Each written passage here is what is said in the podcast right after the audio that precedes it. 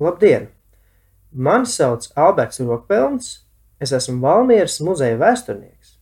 Un vai jūs zinājāt, ka pagājušā gadsimta 20. gada Rīgā kā sēnes pēc lietus dzima ārzemju šlāgeru izdevniecības? Pieaugot kino un skaņplašu industrijai, 20. gadu vidū nošu apritē sāk parādīties dažādi vietējo Rīgas tipogrāfiju izdoti šlāgeri, gan oriģinālu valodā, gan tulkot latviski. Izdevuma popularitāti bija grūti prognozēt, tādēļ šī joma saistīta ar dažādiem avantūristiem un firmām viendienītēm, bet visu pēc kārtas.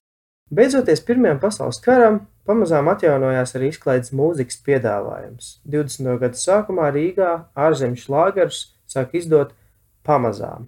Izdevīgāk bija importēt, jo nošu imports bija bez muitas nodevas. Jau 1921. gadā darbību atjaunoja Latvijas grāmatu un muzikālī tirgotāju savienība. Par saviem turpmākajiem mērķiem šī profesionālā biedrība izvirzīja apvienot Latvijas muzikālī tirgotājus un veicināt grāmatniecības nozars attīstību. Savienībā darbību turpināja vairāk lielie un vēsturiski ietekmīgie pirmskara muzikālī izdevēji, kā Pauls Neldners, Karls Blosfelds vai Julijs Hainz Cimermana pārstāvniecība. Arī Arnolds Noimans, kurš zaudējusi lielo pirmskara impērijas tirgu, pievērsās ievedmuitas jautājumiem, kā arī kontaktējās ar Vācijas izdevniecībām par muzikālī importu iespējām. Bet kādi tad bija šie 20. gadu šlāgeri nošu izdevumi? Runa ir par nošu izdevumiem, balsīm un klavierēm, kas komponēti aktuālo modes deju žanros, fokstrots, tango un tam līdzīgi. Noteikti svarīgs bija vizuālais noformējums. To noteica galvenokārt drukas kvalitātes iespējas un ar šlāgeru izcelsmē nosaukumu tematiku saistīts vizuālais ietērps.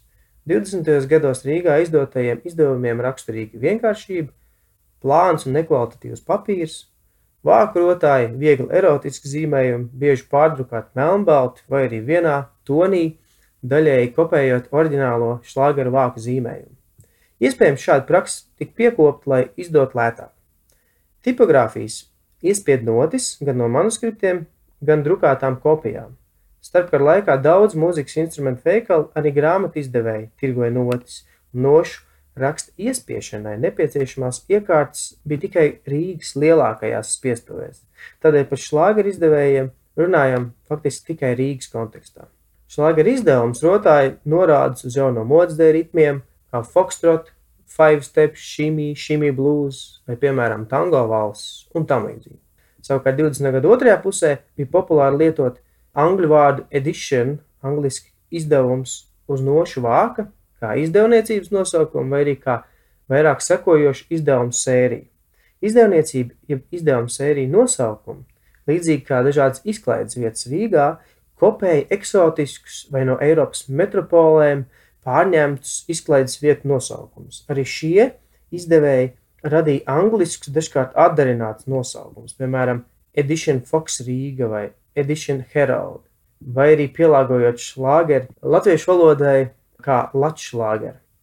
Sākot ar 24. un 25. gadu, vērojams pirmais šlāgera izdevēja skaita pieaugums. Parādījās dažādi vietējie ārzemju operešu un dēļu šlāgera izdevumi. Jāņem vērā ekonomiski novājinātais tirgus, pirmās nepieciešamības preču un vispārējo resursu trūkums 20. gada sākumā, kas iespējams liedz ātrāk uzsākt šādu izdevēju darbību. Šajā darbā liela nopelna bija Oskaram Strokam, kurš tobrīd vēl nebija šlāgera karalis, bet drīzāk ārzemju šlāgera izdošanas karalis. 1925. gadā tie bija astoņi deju opusi sērijā astoņi pasaules šlāgeri no Oskara Stroka izdevniecības. Bet citā sērijā jaunākie un iemīļotākie šlāgeri balsī un klavierēm. Tur bija dažādi fokstroti un šimī.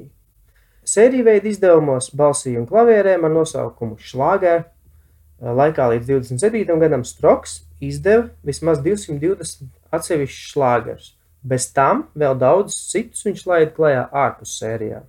Tādā veidā var teikt, ka Stroks bija viens no pirmajiem, kurš ļoti mērķiecīgi aizsāka praksi Latvijas mūzikas tirgu un uz muzikālajām drukāt apzīmējumu šlāgers. Vēlāk 20. gadu otrajā pusē un sekojoši 30. gados atsevišķām izdevniecībām šāda praksa jau bija kļuvusi par normu.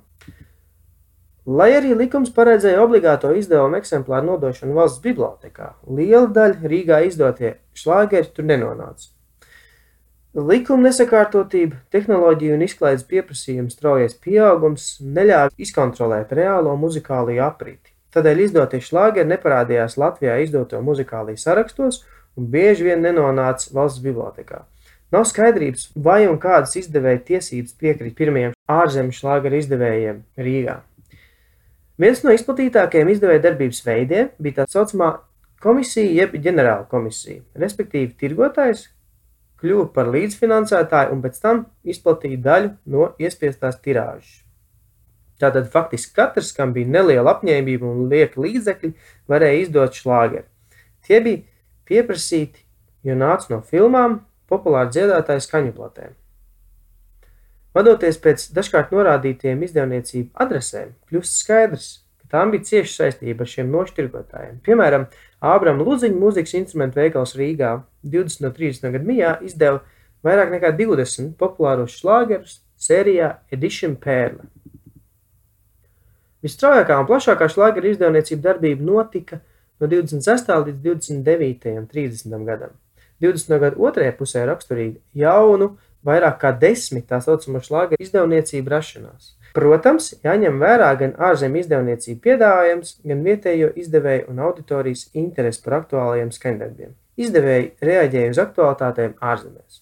Populārie šlāgeri no skaņu platēm un pirmajām skaņu filmām ātri nonāca rīdzinieku nošu izdevumos.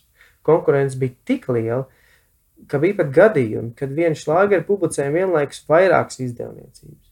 Piemēram, Hans Hīnemējera 29. gadā izdoto populāro lēno fokstrotu Blut Rota Rozen, jeb tumšsārtās rozes, nekavējoties pārtvēra, un tas nonāca četru Latvijas izdevēju – Edition Herald, Accord, Edition Perle un arī Rekord izdevumos. Iespējams, šī popularitāte Latvijā bija tik liela arī tādēļ, ka ārzemju skaņu plates His Master's Voice platē latviešu valodā to bija iedziedājuši jau arī brāļi laivinieki. Laikā līdz 1930. gadam Rīgā redzam vismaz 20 šādi ārzemju šlāgeru izdevēji vai izdevumu sēriju nosaukumi, lielākoties īslaicīgi. Turpretī pēc krīzes jau 30. gadu sākumā lielākā daļa no tiem pazuda. 30. gadu vidū situācija nošu izdevēja darbībā Nostabilizējās, nostiprinājās tikai dažas lielākās nošu izdevniecības.